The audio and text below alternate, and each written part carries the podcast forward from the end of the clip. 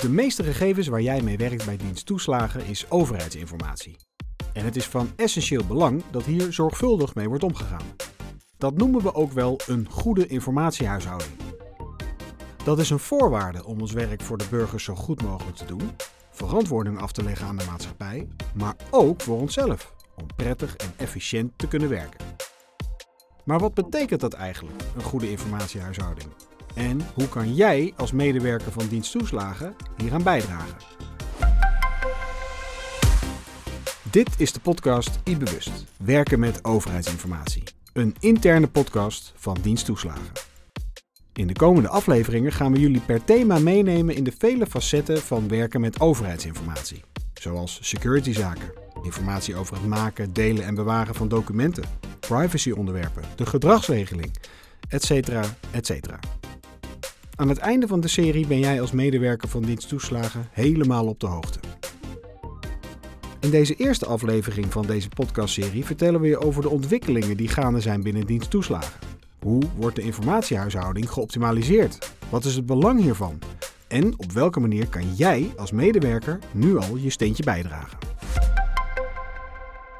Welkom bij deze gloednieuwe interne podcast van Diensttoeslagen. Ik ben Jordi en ik ben gevraagd om de verschillende afleveringen die binnen deze podcastserie vallen te hosten. Voor deze eerste aflevering heb ik het genoegen om met drie mensen aan tafel te starten.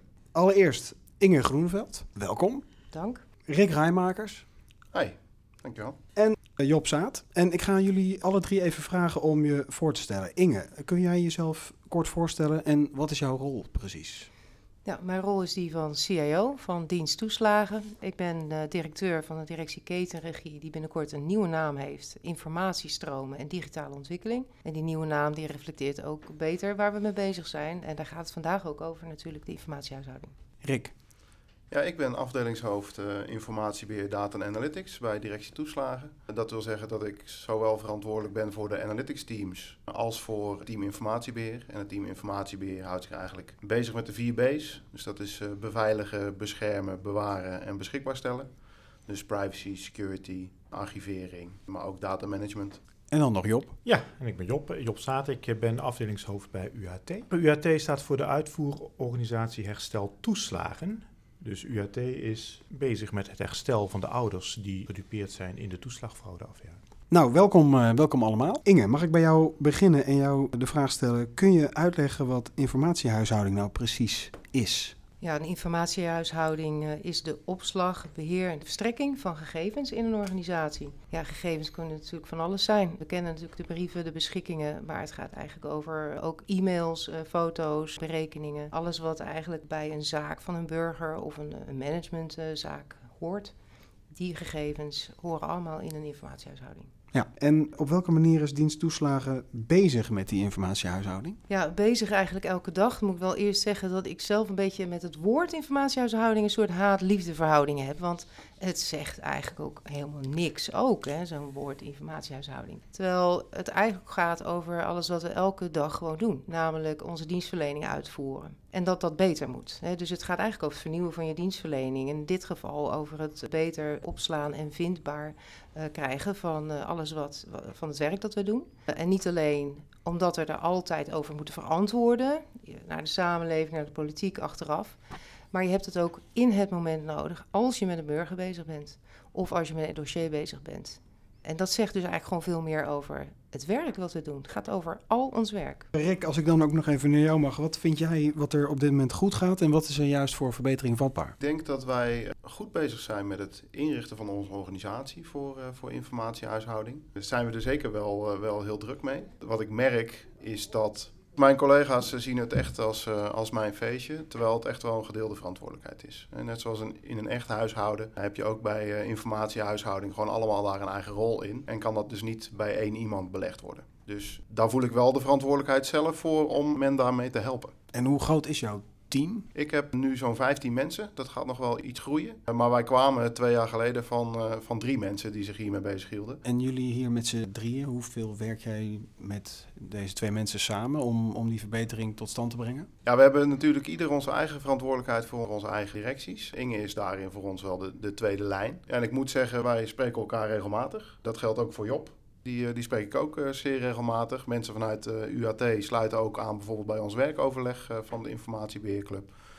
Dus wij vinden elkaar echt wel. Job, waarom is een goede informatiehuishouding voor UAT zo belangrijk? Inge gaf ook al aan van ja, waarom informatiehuishouding belangrijk is. Hè? Maar we hebben dus in UAT kunnen zien wat er gebeurt als het niet op orde is.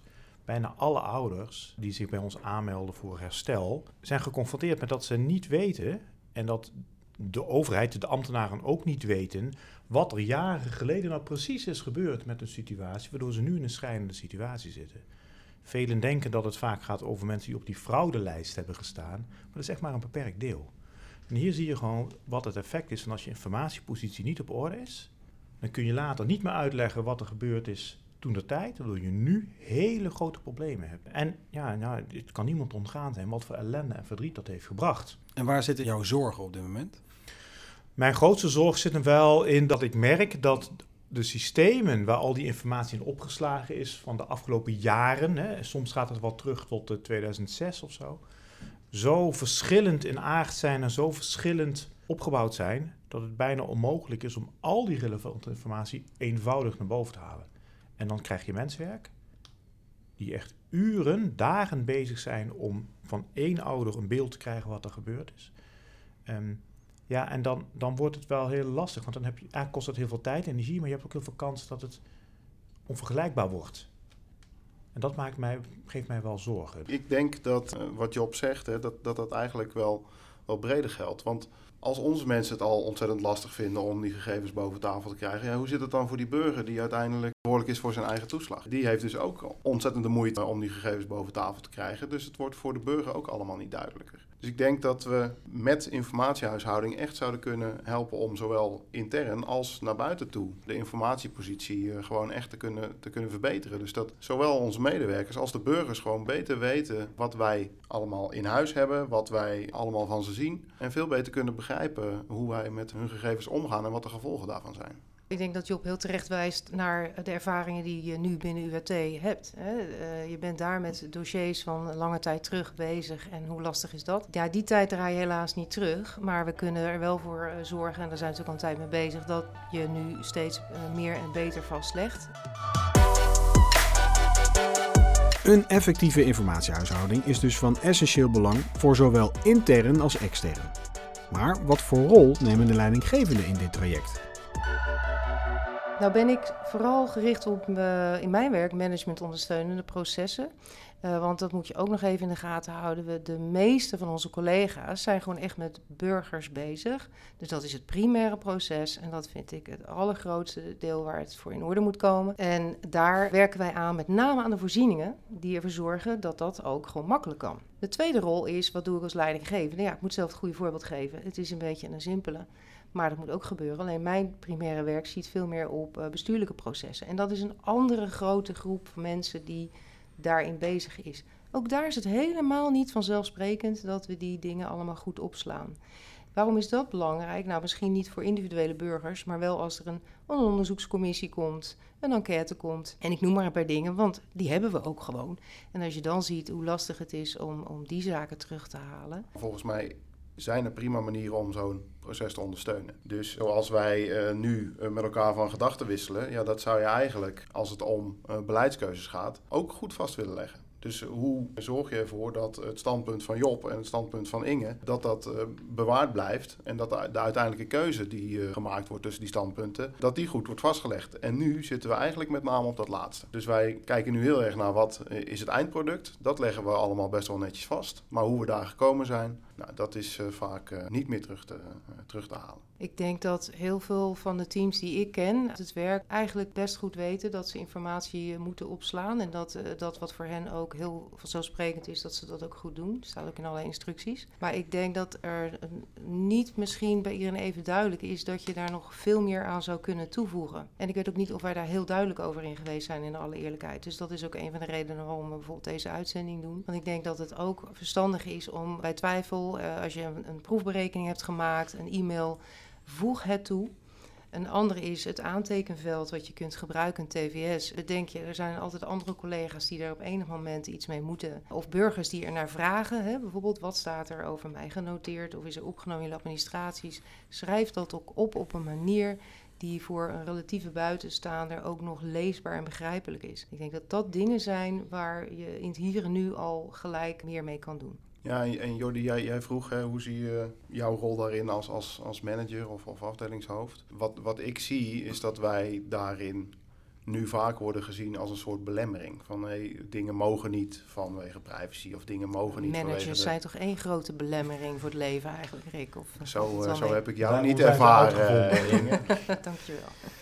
Voor informatiehuishouding zien we vaak als, als dingen mogen niet. Maar volgens mij moeten we juist dus in die gezamenlijkheid kijken van nou hoe zetten we het nou zo neer dat je juist geholpen wordt om het goed te doen. Dus hoe faciliteren we die mensen? Dus mijn, mijn rol zie ik daarin dat wij veel meer met onze behandelaren, met onze omgeving in gesprek zijn over ja, hoe ziet jullie werk eruit en hoe kunnen wij nou zorgen dat het voor jullie eigenlijk zoals standaardpoetsen wordt om die informatiehuishouding goed op orde te krijgen. Iets wat gewoon ja, eigenlijk standaard gebeurt zonder dat je daar nog over nadenkt. Zijn daar al tools of, of applicaties voor om eh, men te helpen? Wij zijn nu wel op zoek naar tooling die daarin kan helpen. En ik denk dat eh, we zijn nu bezig om uit te zoeken of eh, Rijkstok ons kan helpen. Dat dat iets is wat echt een stap vooruit is. Ja, zeker. En we zijn nu ook serieus aan het kijken of we dat ook snel kunnen implementeren. Want dit, dit gaat op verschillende terreinen ons echt helpen. Het is niet perfect, maar je gaat van, eh, nou, van een grote achterstand in één keer nog een comfortabel, eh, minimaal gelijk spel komen, laat ik het zo zeggen. Dat is zeg maar een voorbeeld waar mijn directie dus hard werkt om eh, bijvoorbeeld Rijksdok, waar Job het over heeft, om dat versneld te implementeren. Het is een, een voorziening die in de Rijksoverheid al bestaat en zich al bewezen heeft. Dus Rijksdok is een kans hebben en zo niet die dan wel wat anders. Dat ziet in ieder geval voor de dossiers voor burgers kan dat veel betekenen. Maar een andere is ook dat DigiDoc. Dat Ja. is het ding wat vooral voor managers en, en beleidsmakers eh, bedoeld is. Dat is op dit moment alleen maar beschikbaar in een min-fin-omgeving. Nou, als je bij toeslagen werkt, dan heb je die omgeving in principe niet. Dus het schiet niet erg op als je samenwerkt. En die komt voor iedereen die daarin gaat, eh, gaat moeten werken. Dat maakt het dan mogelijk dat wij met elkaar, zoals wij hier met z'n drieën zitten, in één systeem met elkaar kunnen ja, beraadslagen over die onderwerpen. Er zijn dus allerlei ontwikkelingen gaande om de werkwijze voor iedereen zo snel mogelijk te optimaliseren. Voor medewerkers is er middels gamificatie iets nieuws bedacht. Om de informatiehuishouding straks net zo vanzelfsprekend te laten zijn als tandenpoetsen. Voor medewerkers gaat het er dus nu bewust om, maar straks als vanzelf. En dan helpt de OSAG-game, of in ieder geval Security Awareness Game, ook nog leuk en aantrekkelijk. En uh, en passant leer je per ongeluk ook nog wat. Maar dat laatste zal ik maar niet te hard zeggen, dan zijn we gezien meer misschien om mee te doen. Voor de mensen die het in ieder geval liever rustiger willen bekijken en lezen, kan je ook gewoon op internet terecht. Daar uh, bij het programma Informatiehuishouding en, en zaken die daaromheen zitten om te lezen. Hoe ziet het nou allemaal? Het bewustzijn is één. Nou, volgens mij hebben we daar nu echt wel leuke tools voor om, uh, om daarmee aan de slag te gaan voor, uh, voor onze medewerkers. Dat vind ik al, uh, al heel mooi. Hè? Dat, dat het leren dan toch nog een beetje leuk, uh, leuk wordt. Ja, ik ben het daar helemaal mee eens. Ik denk dat eigenlijk elke collega hier zich heel bewust is van het bijzondere werk dat ze doen. En doen ze dat zo zorgvuldig mogelijk. Ze hebben zich misschien niet altijd beseft dat er nog meer vast te leggen is, wat men wel kan doen.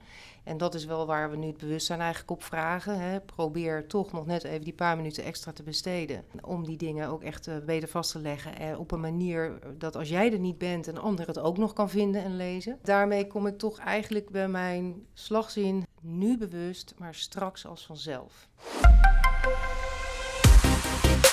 In deze podcast zijn verschillende dingen benoemd die jij als medewerker van dienst toeslagen nu al kunt doen om bij te dragen aan het verbeteren van de informatiehuishouding. Nog even op een rijtje. De Online Security Awareness Game moet uiterlijk dit jaar nog, 2023 dus, worden afgerond op minimaal level zilver. Voltooi de e-learning WMO, werken met overheidsinformatie. En maak jezelf vertrouwd met de gedragsregeling, digitale werkomgeving RIJK. Alle benodigde informatie en handelingsperspectieven zijn te vinden op intranet.toeslagen.nl/slash ibewust. Mocht je nog vragen hebben of dingen onduidelijk zijn, aarzel dan niet om deze te bespreken met je collega's of je leidinggevende. Dit was de eerste aflevering van de podcastserie iBewust, werken met overheidsinformatie. Een interne podcast van Diensttoeslagen. We hopen dat we je hebben kunnen triggeren en je interesse hebben gewekt over het bewust werken met overheidsinformatie, privacy, security en informatiehuishouding.